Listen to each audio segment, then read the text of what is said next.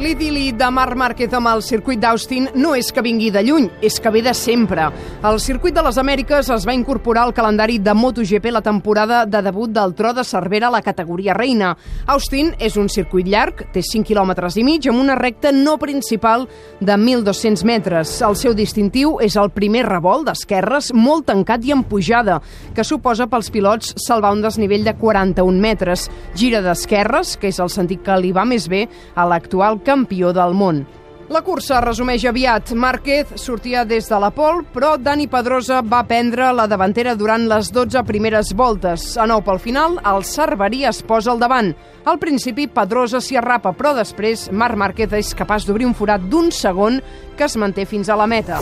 El tro de Cervera, últims metres ja, Damià per celebrar aquesta primera victòria animalística, estratosfèrica, ben tronada, digue-li com vulguis. És la segona cursa i tindrà la victòria la Repsol Honda amb el número 93, amb la contrarrecta, el seu cap de mecànic Santi Hernández mirant-s'ho des del canopy, també Livio Supo, el team manager, també Shuhei Nakamoto-san, que deu estar pensant la mala del Tano, qui hem fitxat? L'any del seu debut a MotoGP, Marc Márquez aconseguia la victòria a la segona oportunitat després d'haver estat tercer a Qatar.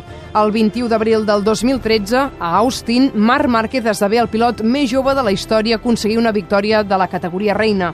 Tenia 20 anys i 63 dies. Va superar l'anterior rècord que tenia una altra llegenda de la marca Honda, Freddy Spencer. Es trenca un rècord de 31 anys. Look, Valentino Rossi shakes hands with Mark Marquez. And a doff of the cap from the doctor. Yeah, fabulous. Salutació entre el rookie Márquez i Valentino Rossi quan la seva relació semblava idíl·lica, cosa que ara no és, certament. Guanya Márquez! Guanya el tro! Guanya el Marc, guanyen els Márquez, guanyen els Alentà, guanya Cervera, guanya la Sagarra, guanya Catalunya, guanya Repsol, guanya Honda, però què passa aquí? El tro de Aquí Cervera es manifestava així en conversa amb Catalunya Ràdio.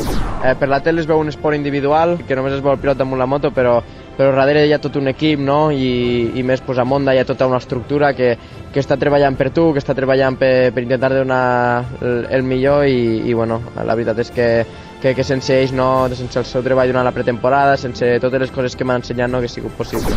Márquez ha guanyat totes les curses disputades al Cota d'Austin entre 2013 i 2017.